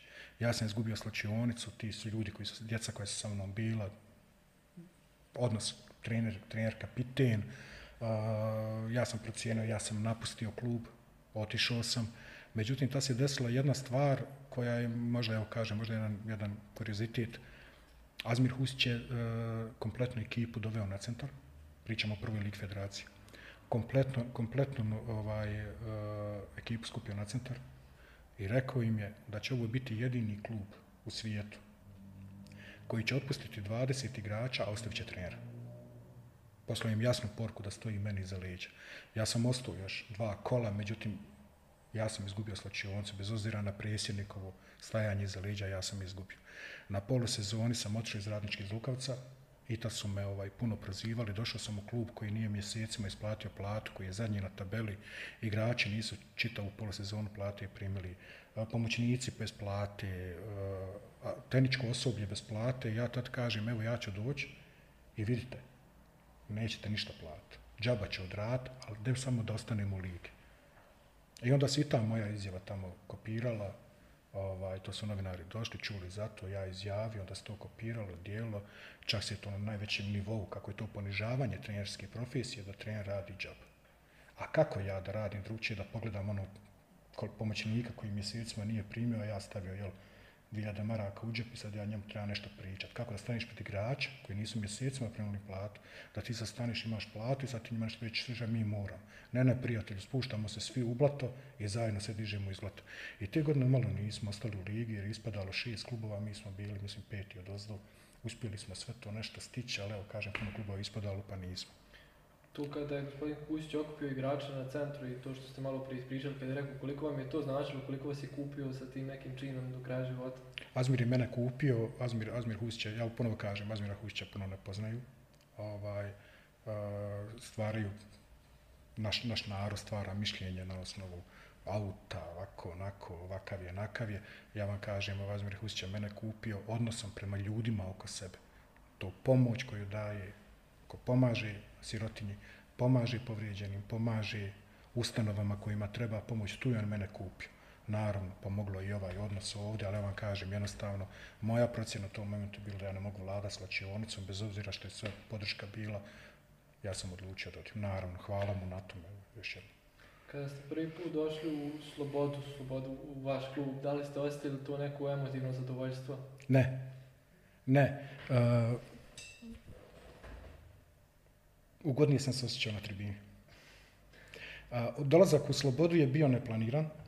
Prvo pojavljivanje moje u Slobodi je bilo neplanirano, preuranjeno. Sloboda je tražila trenera. Pregovarali su o nastavku saradnje sa Slavkom Petrovićem, koji je ostavio fin utisak u Slobodi. Ja sam se družio tad intenzivno kroz edukacije i privatno i kroz edukacije sa Admirom Smajićem. Ja sam predložio Admira Smajića za Slobodu. Ja sam tad bio duboko, duboko u pregovorima sa zvijezdom iz Gradačica. Ova sad uprava koja vodi zvijezdu je tad trebala da preuzme zvijezdu iz Gradačica i ovaj, ja sam u razgovoru sa predsjednikom Slobodi rekao da ima jedan kvalitetan trener, jer Admir Smajić je odličan trener i oduševio nas je na edukacijama rješavanja situacija na praktičnim trenicima. Stvarno da je on nas oduševio gore. I ja sam od svih srca predložio Admira Slobodi. Oni su normalno imali već fine informacije o Admiru i Admir kad je Smajić kad je preuzeo slobodu imao je samo jedan uslov. Mi smo tu u kancelariji da ja radim s njim. Ja nisam htio, nisam želio. Znam da je rad u slobodi težak, zahtjevan, da navijači očekuju puno. Mi smo se jedno sat vremena borili, oni mene, on mene da uvuče, ja da odbijem. I na kraju, eto, napokon sam našao klub, ti nećeš meni da pomogneš. I onda, eto, kaže opet odnos prema Admiru, ljubav prema Admiru. Ušli smo i to sam stvarno doživio, ono, bau, odjednom komentari, navijači, ko je on, šta je on, otkud on, eto, vodi, nikog nije vodio, toliko je to negativno bilo, možda sam i ja pogriješio, tad pa sam to čitao, sad više ne čitam, sad više ne zanima. Ovaj, Admir Smajić, radili smo mjesec, radili smo mjesec dana, u četvrtu, pripreme strajale šest sedmica, u četvrtoj sedmici je došao Husejnović, u četvrtoj sedmici Baraban, u četvrtoj sedmici je došao Mešali Spahić, tako da smo se krpili u hodu. Admir Smajić je napustio 14 dana početak prvenstva zbog zdravstvenih problema, ja sam ostao sam i sad dolazimo na ono da ti neko da podršku. Gotovo već je publika prihvatila, već su sad počeli pozitivni komentari, već te više niko ne vrijeđa, taj prvi šok za navijača otkud Milenko, čuj on, ovaj, je prošao i onda kreće, kreće prvo kolo, igramo sa Zrinskim kući, i dan danas ne znam, izgubili smo 1-0, dan danas ne znam je li to bio go neki centaršu iz Zrinskog stativu, golman odnogu, vađenje lopte, jel go, nije go, ljudi su dobili utakmicu. Drugo kolo zvijezda etno selo i onda mene smijene, stavi Nalića i sa tom ekipom koji smo, koji je tad sportski direktor Denis Karić fenomenalno odradio taj prilazni rok, ovaj, ti su igrači četvrto, peto, šesto kolo jednostavno samo, samo proigrali Posle mene dolazi Nalić i čovjek uzima 28 bodova u prvoj polusezoni. To je bio hit. ta sloboda s kojom smo mi radili, onda se desio u drugom dijelu nevjerovatan pad, da su oni u drugom dijelu uzeli 10 bodova, tako da ovaj, meni je drago zbog Nalića, jer je on ostavio, ostavio izuzetno duboko, dubok, pozitivan utisak u slobodi, da je čovjek na tu neku moju, moju ekipu koju smo mi nešto selektovali, nešto se borili, čovjek je jednostavno nju podigao na još jedan veći nivo, podigao malo e, Nalić izuzetno psiholog, on je nju psihološki još više podigao i tako da su ti momci odigrali izuzetno prvu polosezonu. Žao mi je, sad se vraćamo na onu ostavku, uh, ostavku Karačićevu na, na, na, na probleme Feđe, na Markovu ostavku, da bi se tad meni dala možda e, situacija u toj mojoj slobodi, ovaj, možda bi sve bilo drugačije i za mene i za slobodu u tom momentu. Možda bi ja se profilisao već tad kao vrhunski trener. Ta, ta neka početna pljuvanja kad ljudi još nisu znali za vas, da li vam je naravno ne smetalo, da li je bilo kako sad mene pljujete, ja sam sa šest godina tu penjao se na drvo da gledam taj klub. Zašto? Neće, neće ljudi to da prihvati. Jednostavno neće ljudi da prihvati. Ja sam dao jednu emotivnu izjavu, onaj, kad sam vodio Tuzla City, igrali smo sa Slobodom gradski derbi koji je bio strašno, strašno, strašno napet, čitava sedmica. 15 dana prije tog derbija je bilo po, po gradu provociranje, prozivke, svađe na Facebooku, na, na, na stranicama klubova oko tog kluba. Kao mi smo seljaci ili izbjeglice, kao slobodni navijači su jel, ovaj, gradski klub, nemaju dva gradska kluba nego jedan. I onda smo mi došli na teren, Tuzla City je došao na teren, ja sam s igračima i sad ono dolaziš, prolaziš preko centra, ima jedna grupica navijača, njih 20-30, i onda doživiš takve uvrede, da sam se ja razočarao od te grupice navijača. Da sam se ja strašno razočarao. I ovaj, vratiš se nazad, povučeš se, čitav utakmica prođe, ubiju ti tu želju, za, želju tu radost ubiju u tebi, za te golove, za tu pobjedu, pita to na novina šta imate reći, ono izađe iz tebe, ono, ono dječiji. Pa ti kažeš, pa ima ta izjava na YouTube. Pa mislim, što mene, kako mene? Sad se vraćamo na to vaše pitanje, zašto? Ne znam, nemam pojma. A, kasnije se ti ljudi izvinuli, veliki dio navijača, veliki dio fukara, koji su izuzetno organizovani, koji izuzetno znaju šta je dobar trener, šta je futbal, oni su dali kasnije strašnu podršku, poklapali su te ljude, ti su ljudi kasnije javili, izvinuli. Jednostavno ja to doživljam da je to samo dio sporta, ali iza mene je izašla ta jednostavno jedna izjava koju ja nisam bio svjestan. Pa ljudi moji, pa ja sam Tuzlak, pa ja sam Slobodaš, pa ja sam gledao te utakmice gore s brda zajedno, isto tako koji i vi. Zašto mene? Strašno mi je bilo pogodilo te, te uvrede prije te utakmice, ali evo kažem, prošlo je kasnije u drugom mandatu, dobio sam strašno, strašno podršku od mojih Tuzlaka, od mojih Fukara. Ja sam zahvalan mojim Tuzlacima na toj podršci u tom drugom mandatu imate divnu priču iz Zvijezde 09 koju ste, s kojom ste izborili opstanak. E, kada ste dolazili, kada ste dolazili, gospodin Stanišić vas je uvijedio riječima hoće pošteno Apsolutno. Ma znate vi kakva je to priča? Ja vam kažem, ne moram nikad više raditi. Toliko imam uspomena, toliko imam, toliko imam tih situacija isto malo što sam bio. Da jednostavno čovjek se samo naježi kad se sjeti svega toga. Ja nemam ni dan danas pojma. Ja sam tad bio Drini iz Vrnika. Mi smo odigrali tamo dva kola, Drina je bila u borbi za ostanak, mi smo odigrali dva kola, dobili smo želju sportim kući uh, u toj borbi za ostanak, igrali smo neriješeno u Foči, mi se pripremamo za treće kolo i mene zove Boris Stanišić, kojeg sam znao od ranije, i kaže mi, Milenko, možeš li doći, ja dolazim prije treninga, tad ja ono, ne vjerujem da će me čovjek uopšte angažovati, ja kažem, Boris, molim te da da požurim, moram na trening, reku, zvrnik, ovaj, gore, Ma znaš, Milenko, eto, nama treba trener, imamo par kandidata, zovu me kad stalno nudi se ovaj, nudi se onaj. Međutim, kaže, ja sam, kaže, zvao Tuzlu. I svi su mi rekli, ne znam da li ćete Milenko ostaviti u ligi. Ali Milenko je, kaže, zatno pošten čovjek. A vidi, kaže, Milenko, meni treba pošten čovjek. Jer on imao gore problem, njemu su igrači prodavali utakmice i tako. I ovaj, ni dan danas ne znam kome je predložio. Tad nije donio nikakvu odluku, ja sam palio auto, otišao u Drinu, ovaj, u zvornik na trening, odradio trening, za dva dana on mene zove i dolazimo gore. I dan danas sam mu zahvalan na odnos kompletnoj njegovoj porodici, njegovim sinovima. Kakav je to bio odnos? On kaže, Milenko, ja sam ispao. Samo hoću da znam da imam poštenog trenera, da me trener neće prodavati i da probam ako možemo šta može. I onda se stavno prekrsti i kaže, da će i dragi Bog, kaže, da nas pogleda. Kakva je to priča bila? Kakav je to odnos bio ekipe? Kako sam u njima probudio tu želju? Psihologija je čudo psihologija futbalera je ravna svakoj drugoj sportskoj pripremi, kondicionalnoj, taktičkoj, tehničkoj. A, treba raditi na toj psihologiji. Mi smo imali deset kola do kraja. Zadnja dva kola su bila Sarajevo i Zrinski. Tu nema šanse da je uzmemo. Morali smo tih osam kola da ostanemo u ligi. Presudilo je, ni dan danas ne znam zašto, ni dan danas nemam pojma šta je meni tad bilo, ali valjda to, eto, to daje neku kvalitetu treneru, jesu li ili nisu. Jedan dan mi buhne i kažem, Miljan Govedarica će igrat na špica koji nikad dotad nije igrao špica, koji nikad dotad nije snalazio u toj poziciji, jednostavno. Ovaj, stavili smo ga i Miljan Grudarica je u sve ostale, uz mog Acu kojeg evo pratimo ovdje u, u Borcu, kod mene igrao štopera ovdje igra, to je ono što kaže, najteži igrač naći poziciju, evo Marko mu je našao poziciju zadnjeg veznog i vidim da mu izuzetno dobro ide. Miljan je nama tada dao osam golova, pješi s asistencija, otkrovenje, od jednog igrača koji je bio na tribinama, koji nikako nije igrao, oni sad ovo imaju, odlazi u Zrinski, pravi angažman, Erić odlazi tamo.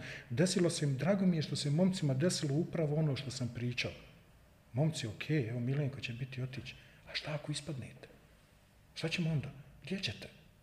I onda su momci jednostavno zagrizli tu. Ima tu čak i jedna anegdota, ovaj, igrači imaju tu svoju, svoju Facebook grupu i kad se čulo dolazi Milenko Vašnjaković, onda je tamo pukla jedna poruka, mislim da je Mahmutović to napisao, ne? Ljudi moji, ovaj je, kaže, radio u zatvoru, kako liki je, kaže, nema, kaže, zezanja, kaže, sve će nas prebiti. tako da je to jedna fina anegdota. Ta zvijezda je tako jedna fina priča. Mi smo uspjeli ta dva kola, ti osam kola da stanemo ligi. Isto tako moram reći da se pola lige borilo za opstanak, pola lige za Evropu. Mladost, Doboj Kakanj ovaj, je bilo kolo dva do kraja, čak imalo je šans da izađe u Evropu. Ovaj, Tako da je, svi su morali da se bore za sebe i evo kažem, čestito, pošteno, bez auta, bez faula, bez penala, mi smo završili tu, tu, tu sezonu i ostali smo u ligi i strašno mi je žao što se ovo desilo sa Zvijezdi. Oni su te, Zvijezda je te godine prodala, malo, prodala malog Brkića u Muru i tad je u izlogu bio Tojičić i Blagojević, i samo su trebali ostati sljedeće godine u ligi, već bi sad brali rezultate prodaje ta dva igrača.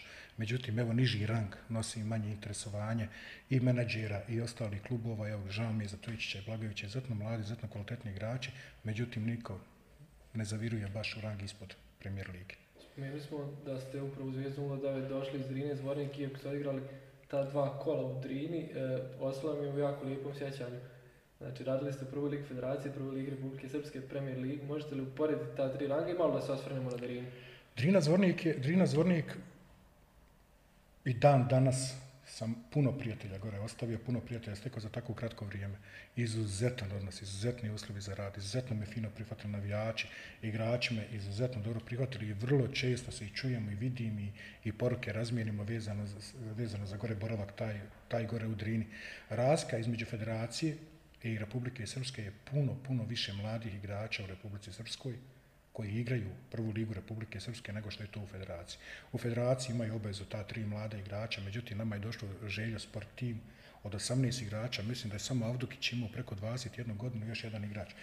15-16 igrača ispod 21 godine. Tako isto bilo u Foči koja se bori za ostanak. Isto tako pola ekipe mlado, kod mene pola ekipe bilo ispod 21 godine. Mislim da puno više daju šansu mladim igračima i puno više ima mladih igrača u ovom moje iskustvo, barem iz, iz prve lige Republike Srpske, nego iz prve lige Federacije, gdje se ipak još, više, još uvijek više vjeruje tim starim igračima ovaj, i žao mi je tih mladih igrača koji, koji, koji nemaju toliko prostora za igru. Nakon tog uspjeha sa Zvijezdom i to što ste sačuvali status premijer ligaša, vrlo brzo je stigao poziv Tuzla City i ponovo ste se vratili na mjesto uspjeha gdje ste, što se kaže, izgradili taj klub. Jeste, dobio sam poziv posle toga ovaj, od Azmira Husića i od sportskog direktora Samira Muratovića koji je izuzetno bio, ovaj, bio za mene.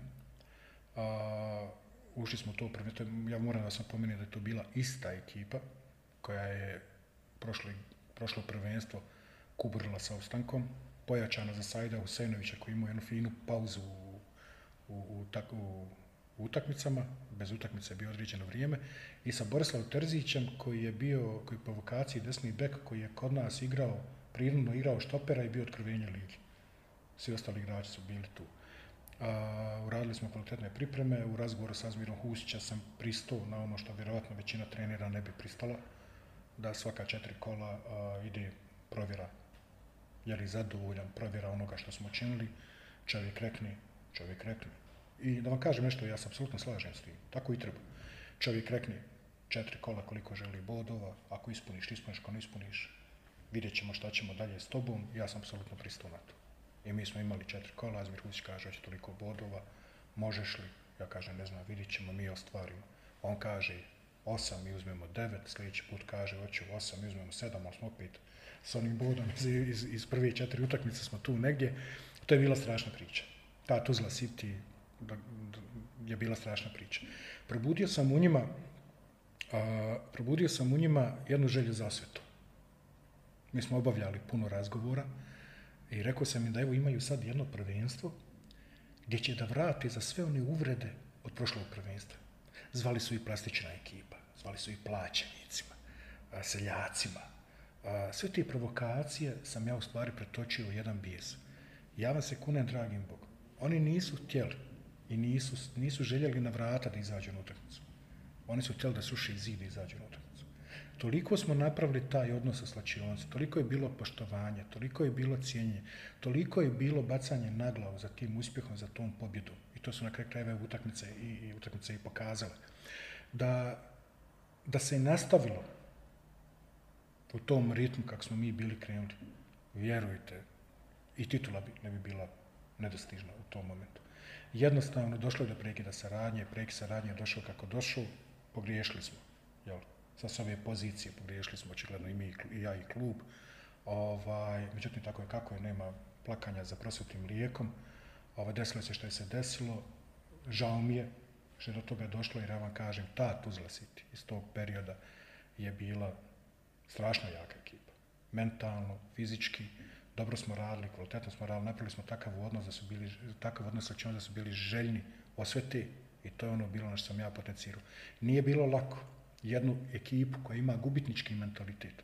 Trebalo je ubijeti, da mogu pobijeti, da mogu igrati i da mogu stvariti rezultat. Zato su mi bile vrlo bitne prve prijateljske utakmice.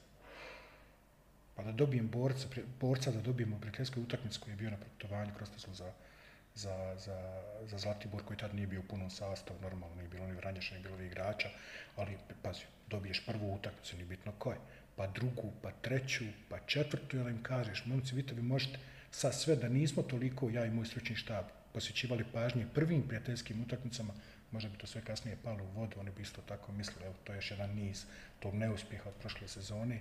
Ovaj, tako da smo postepeno, postepeno i pažljivo pristupali svakoj prijateljskoj, a da ne pričam kasnije o prvenstvenim utakmicama tom.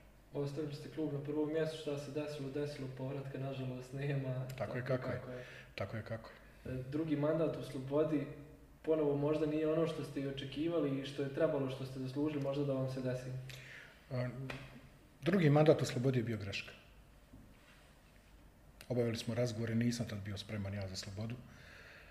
Uh, trenerski tandem Milo Lazarević, Admir Smajić je napustio ekipu 10 kola, 7 kola pardon, prije kraja. Uh, ekipa je bila načeta i razrovana štrajkovima. Mislim da 7 dana, 10 dana nisu nikako trenirali. A, neisplaćenim platama, jedna ekipa koja je zbog te situacije u klubu bila ubijena u pojam. Ljudi slobodni su došli sa mnom da razgovaraju, nova uprava koja je rekla Milinko, nama trebaš ti da nam vratiš atmosferu i vidi nešto, nemaš obavezu ni jednog boda da uzmiš, jer će ti biti vrlo teško uzeti te bodove.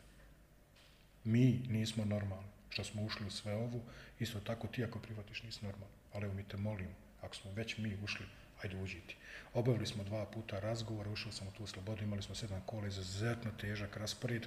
U tih sedam kola do kraja uzeli smo, nažalost, samo četiri boda, četiri utakmice nismo izgubili, neriješeno. Igrali smo neriješeno Mostaru, igrali smo neriješeno sa Sarajevom kući, igrali smo neriješeno sa Tuzla Sitnjem s igračem, manje čitao polovrijeme, uzeli smo bod kod zvijezdi. Tako da je ta, ipak ta četiri boda bile sasvim dovoljno za neku mirnu drugu dio polosezone. Kada smo sjeli da razgovaramo o nastavku saradnje, Kaže Milenko, mi smo isti ljudi koji sa mnom pričali. Kaže Milenko, mi smo zadovoljni. Nisi, rekli smo da je vrlo teško. Međutim, evo sad imaš pripreme svoje, dovešćemo ti igrača i sad evo guraj drugi dio polusezone i o tebi ćemo stvoriti mišljenje tek sad kad ti damo pripreme i kad ti damo igrača. I vidi, kaže, imaju dva člana uprave koji su protiv tebe. I to je za mene bio šok. Kažem, normalno, nijedan trener ovo ne bi uradio, svi bi klepili sad ugovor godinu i pol dana, stavili na sto, normalno, u slučaju otkaza ima se isplatiti to i to. Kažem, ja njima ljudi, dva člana uprave protiv mene, kaže, Ma da, nemoj da skiraš, kaže, mi ćemo to, lako ćemo mi to srediti, mi ćemo to završiti, ta dva će biti za tebe, kažem ja njima ovako. A, ja toliko volim slobodu, da ću ja sad otići, a vi ćete naći trenera gdje će i ta dvojica biti za njega. Jer ljudi, ispašćemo iz lige. Ako ja ostanem, a dva čovjeka su protiv mene, ta dva čovjeka će za mjesec dana povući za sobom još dvojicu i bit će većina i mi ćemo ispasti iz lige. Sloboda može ostati u ligi samo ako budemo vukli svi u jednu stranu. Nemoj ovako, dali su mi prostor od ponedjeljka do petka da ja razmislim, ja sam i dalje radio s ekipom još sedam dana poslije završetka prvenstva, međutim jednostavno ta ljubav prema slobodi, ja sam se povukao, predložio im da ostave igradu Crnogorca da ga postavi, on, normalno će koga ćemo, šta ćemo sad, stavit ćete lijepo čovjeka, dajte mu povjerenje, dijete je naše, dijete se školi edukuje, upisuje profi program i nastavite s njim. Morate naći trenera gdje će ta dvojica biti za njega da bi sloboda ostala u ligi. Ovako je bilo. Ovaj, oni se normalno, šta će ljudi s tim složili, evo meni je drago da je sloboda uspjela, da je sloboda ostala, ali opet vam kažem, ovaj, malo, malo ljudi bi to uradilo, odrekla se ugovor od godinu i pol dana iz ljubavi prema nekom klubu. Možda baš na te neke načine na koji ste se rastajali s klubom i na te neke odnose, baš da se može reći da ste ostavili otvorena vrata u sve jednom klubu da ponovo dođete? A, pa vjerovatno, ja sam sad bio, kažem, bio sam prije par dana u Jatno selo Gore Stanišić i nevjerovatno, od tih, od tih konobara, od tih šefa restorana, do ljudi iz kluba koji sam sreo, do, do svojih trenera, bivših, bivših pomoćnika koji su još uvijek gore, koji radi, sa svima sam se i pozdravio i svi su bili, bio sam sretan što sam ih vidio, vidio sam zadovoljstvo i na njima što su vidjeli mene. Naravno, nijedan trener ne treba da iznosi prlja veš, nijedan trener ne treba da priča stvari koje su bile, treba da ostavi sve otvorna vrata da se može, da se može naravno uvijek dan, jednog dana vratiti. Ja ovaj, opet vam sad kažem, ne patim ni za čim, nemam nikakve visoke ambicije, ovako mogu, još uvijek neću nikad složiti poruku, neću nikad poslati poruku, neću nikad nikog vući za rukav, neću nikad moliti, neću nikad reći i slobodan sam, ej, ima li mene gdje tu, broj telefona Milinka Bošnjakovića je tu, neću nikad i ovaj, zatvoriti stražnicom vrata ni jednom klubu, ni u životu, ni u klubu. Ko želi da angažuje Milinko, on je tu, ko neće, ne mora, Milinko može ovako još dugo. Taj neki pozitivan i utisak i rastanak sa Zvijezdom 09 na prijateljski način, ali opet ostavili ste u rukama dva mlada stručnjaka, pričali smo i mladim trenerima, koji su imali odlične i igre, nažalost rezultat ih nije ispratio, ali su igre bile na visokom nivou. Dule Vranešević je čovjek koji je vodio kadete i kojeg smo mi, tad kad sam ja gore došao u prvi tim Zvijezde, prebacili ga u prvi tim. Pratim Duleta tamo u Slobodi i radi Duleta na kraju krajeva, radi Zvijezde radi Drine, pregledam svake, svake nedelje, sjednem pa pregledam taj sajt Futbolskog, Futbolskog saveza Republike Srpske, pratim te njihove rezultate. Dule je jedan mlad, e, izuzetno, izuzetno, izuzetno kvalitetan trener, prvo kvalitetan čovjek. Trener možeš biti lako, ali ovaj, to je nešto najlakše, moraš zadržati e, karakter, moraš zadržati obraz. Dule ima sve to. Tako da će Dule, ne sumnjam, Branešević izaći jednog vrhunskog trenera. Mali Boris Savić, kupio me, ja sam iz Zvijezde došao u Tuzla City, prvo kolo igra Zvijezda Tuzla City u Etno selo Stanišić, u Gljeviku, pardon, i na vratima se pojavljuje kompletan stručni štab Zvijezde 09 i vidite, nije imao potrebe nikakve, ali dolazi i Boris Stanišić i on dolazi u slačionicu Tuzla City da se pozdrave sa mnom, da se zagrle, da se poljube i da zaželi sreću. Boris, uh, mali Boris Savić samo nije imao sreće, dolazi u nezgodno vrijeme, dolazi u, Tuzla, dolazi u Zvijezdu, kad su Zvijezdi napravili jedan presedan da krenu Maltene sa juniorima u Premier ligu, koji je jedno izuzetno zahtjevno takmičenje i tu je jedan, evo, samo bija žrtva tog loše, loše politike, loše procjene da se juniorima može igrati Premier ligu. I evo, žao mi je dole u Rudaru Prijedor što mu nisu dali povjerenja do kraja, jer se znalo da će Rudar ove godine ući, ima najbolju ekipu, dole su ti moji igrači, ovaj, Spas, Stjepanović i, i ovaj, Perica Ivetić, je vidjelo se da već sami njihovim angažmanom ljudi imaju visoke ambicije, da smo dali podršku do kraja, evo, pričali smo malo prije o toj podršci mladim trenerima, ali ja se ne skiram za, za, za, za, za malog Borisa, jer u toj utakmici koju smo mi dobili sa 5-1, je moglo lako da bude 5-1 za zvijezdu, jer je on tako igru postavio, tako nas je ubio ovaj, postavkom na terenu, da je se to na 0-0 bilo li-la, mogli se onda povedu 2-3-0 i ja sam rekao na konferenciji za štampu da je ta utakmica komodno mogla otići 5-1 za zvijezdu. Tako da pratim, pratim Borisa ovaj, Savića, pratim Duleta Vraneševića, to su moji prijatelji i ne sumnjam da će uspjeti kod treneri. Možemo li vas očekivati skoro ponovo pored klupe nekog kluba? Nešto se dešava, vidit ćemo. Hvala vam što ste gostovali, bilo mi je ja, veoma jako drago i zadovoljstvo. Vama hvala na pozivu i povlačim još jednom ovaj jedini ste medij koji je našao za shodno da kaže dobro, frajeru dođi, predstavi se. Hvala vam na to. Poštovani gledalci, hvala vam što ste gledali. Nadam, da ste, nadam se da ste uživali. Bio je gospodin Milenko Bošnjaković, a vi nastavite pratiti Meridian Sport.